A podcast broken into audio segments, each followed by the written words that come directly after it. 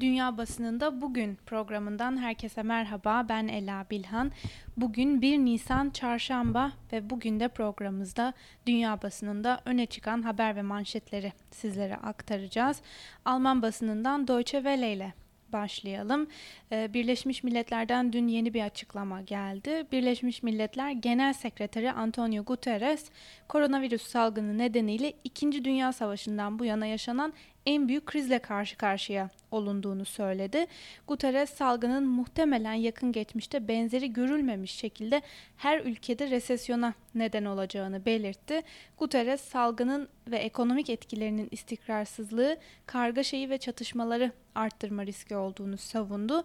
Guterres bu da ancak herkes bir araya gelirse, siyasi oyunları unutursak ve insanlığın tehlikede olduğunu anlarsak mümkün olur diye konuştu denilmiş haberde. Mülteci kamplarında koronavirüs tehdidi başlıklı bir diğer habere göz atalım.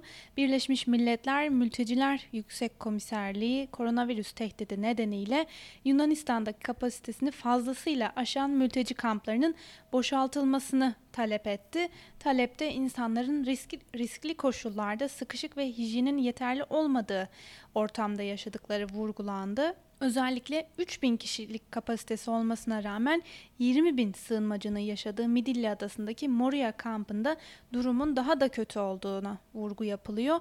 Birleşmiş Milletler Mülteciler Yüksek Komiserliği aylardır adalardaki sığınmacıların ana karaya götürülmesini talep ediyor. Yetkililer COVID-19 hastalarının tedavi edilip izole edilebileceği konteynerler oluşturmaya başladı. Dünya Doktorları Derneği Midilli sorumlusu Dimitris Patestos, Moria kampının girişine bir konteyner yerleştirildiğini ve burada bir doktor ile hemşirenin görev yaptığını ancak bunun yeterli bir önlem olmadığını dile getirerek adada her, her an salgının baş gösterebileceğini vurguladı. Almanya'dan test kapasitesini katlayacak buluş başlıklı bir diğer haberde Frankfurtlu araştırmacılar aynı anda birden fazla numunenin test edilebildiği bir yöntem buldular.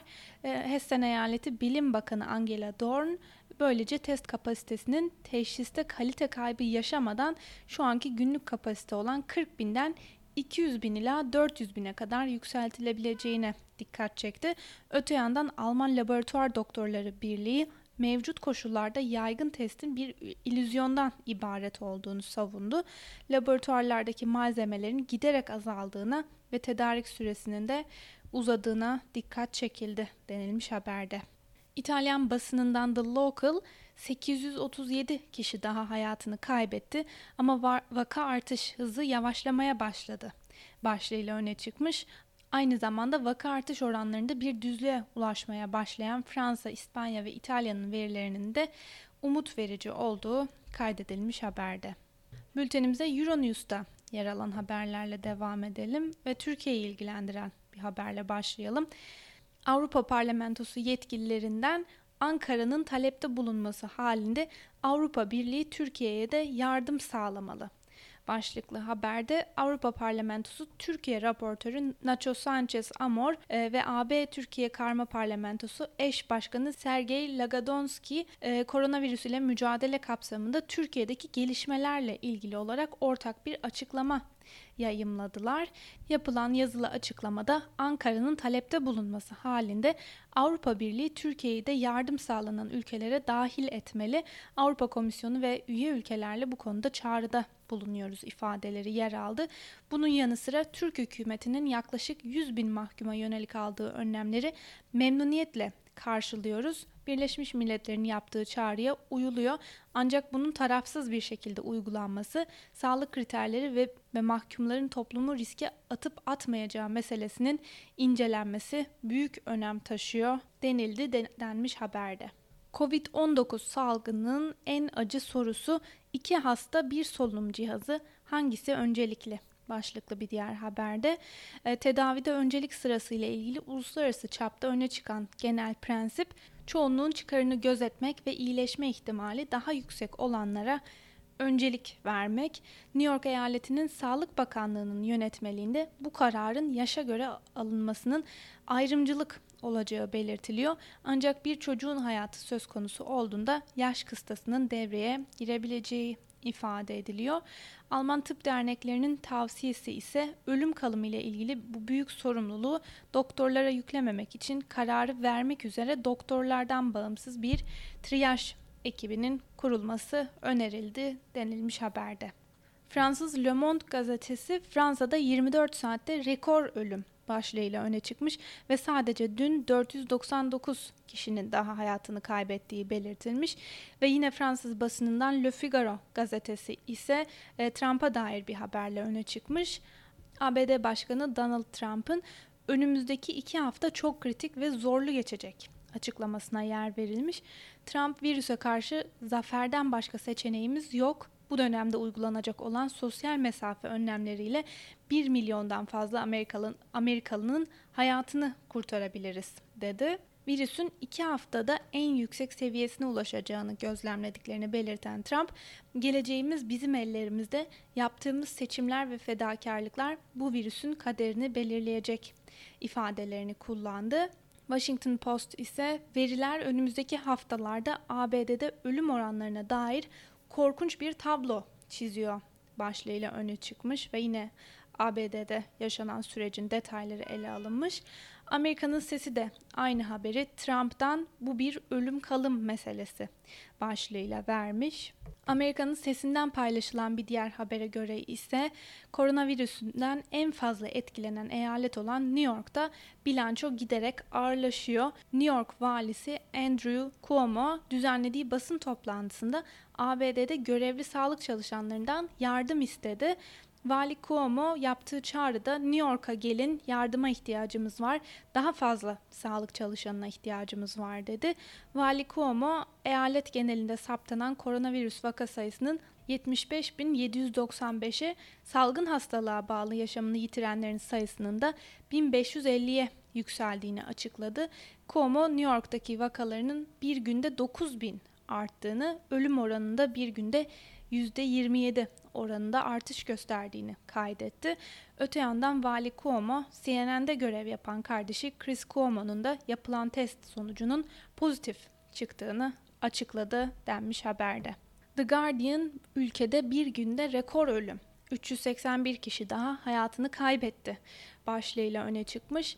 Londra'da bulunan King's College Hastanesi COVID-19 testi pozitif çıkan 13 yaşındaki bir erkek çocuğunun hayatını kaybettiğini açıkladı. İngiltere'de bu hastalık yüzünden hayatını kaybeden en genç kişi olduğu düşünülüyor. Geçtiğimiz haftada 19 yaşında başka hiçbir sağlık sorunu olmayan bir erkeğin hayatını kaybettiği belirtilmişti. E, Ulusal Veri Ajansı'ndan yapılan açıklamaya göre yaklaşık olarak koronavirüse bağlı her 4 ölümden biri hastane dışında ger- gerçekleşiyor. Dolayısıyla hesaba katılmayan vakaların ve ölümlerin olması da muhtemel. Öte yandan bugün geldiğimiz noktada da en yüksek ölüm oranına ulaşmış olsak da sosyal mesafe kurallarının işe yaradığını gözlemlediğimizi söylemek mümkün ifadelerine yer verilmiş haberde. İngiliz yayın kuruluşu BBC'de yer alan haberleri de kısaca göz atalım. ABD'den bir haber var. Beyaz Saray'dan tahmin ABD'de sosyal mesafe kurallarına uyulursa can kaybı 100 bin ila 240 bin arasında olacak. E, Beyaz Saray'ın koronavirüsle mücadele koordinatörü Dr. Debbie Birx e, bizim düşündüğümüz aralık bu ifadelerini kullandı. Dr. Debbie Birx tahminlerinin bazı kişilerin virüsün yayılmasını önlemek için gereken her şeyi yapmayacakları tespitine dayandığını söyledi denilmiş haberde. Bir diğer habere göz atalım. Savaş yorgunu Suriye salgınla nasıl mücadele ediyor başlıklı haberde. Suriye'de koronavirüs nedeniyle ilk ölüm gerçekleşti. Ülkede salgınla mücadeleye yönelik önlemler alınsa da 2011'den beri devam eden savaş nedeniyle sağlık hizmetlerinin ancak yarısı işler halde hükümete karşı silahlı mücadele yürüten grupların kontrolündeki son yer olan İdlib eyaleti ise kötü yaşam koşullarına bağlı olarak özellikle risk altında. İdlib'deki fiili yetkili kurum olan İdlib Sağlık İdaresi'nin müdürü Munzur El Halil e, bölgede her 10 bin kişiye 1.4 doktorun düştüğünü söylüyor. Suriye Devlet Başkanı Beşar Esad'ın yönetimi altındaki yerlerde de Mart ayının ortasından itibaren bir dizi önlem alınmaya başlandı. Suriye yönetimi geçen hafta salgınla mücadele amacıyla akşam 18'den sabah 6'ya kadar sokağa çıkma yasağı ilan etti ve vatandaşların eyaletler arası geçişlerini yasaklamıştı. Orta Doğu Araştırmaları Merkezi'nden Suriye Çalışmaları Koordinatörü Oytun Orhan, alınan önlemlere bakıldığında Suriye rejiminin ciddi bir salgınla karşılaşma beklentisinde olduğu anlaşılıyor diyor denilmiş haberde. Türkmenistan'dan bir haber var. Türkmenistan'da yasaklanan Türkmenistan Chronicle sitesinin haberine göre yönetim pandeminin inkarında yeni bir aşamaya geçti. İddiaya göre hiçbir koronavirüs vakasının açıklanmadığı ülkede hastalığın adını anmakta, maske takmakta yasaklandı. Artık Sağlık Bakanlığı'nın broşürlerinin yanı sıra medyada koronavirüs kelimesi de kullanılamayacak. ABD yönetiminin desteklediği Özgür Avrupa Radyosu'nun Türkmenistan kolu Azatlık Radyosu'na göre hastalıktan bahseden veya maske takan insanlar sivil polisler ve istihbarat elemanları tarafından tespit edilip gözaltına alınıyor.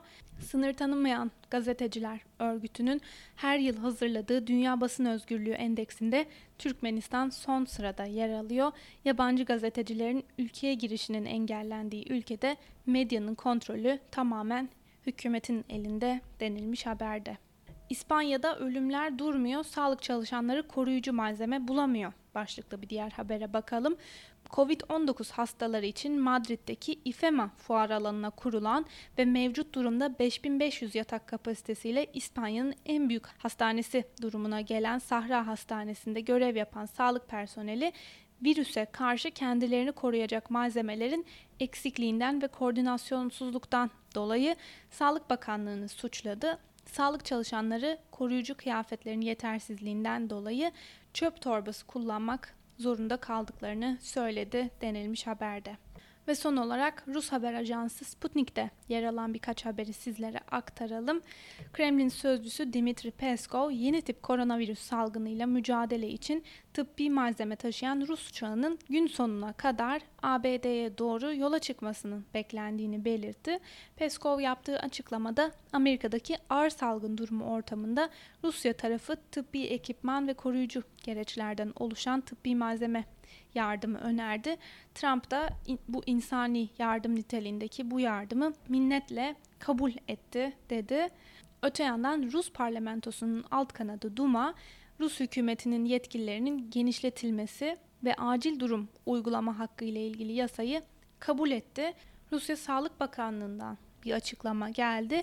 Vatandaşların vücudun alkol ile dezenfekte olduğu yönündeki inancın hikayeden başka bir şey e, olmadığı belirtildi ve salgının etkili olduğu dönemde alkol tüketmeme çağrısı yapıldı ve St. Petersburg yetkilileri de 5 Nisan'a kadar şehrin tüm sakinleri için karantina uygulaması başlattı denilmiş haberde. Sevgili Özgürüz Radyo dinleyicileri bu haberle birlikte bugünkü bültenimizin de sonuna geldik. Yarın aynı saatte görüşmek dileğiyle. Şimdilik hoşçakalın.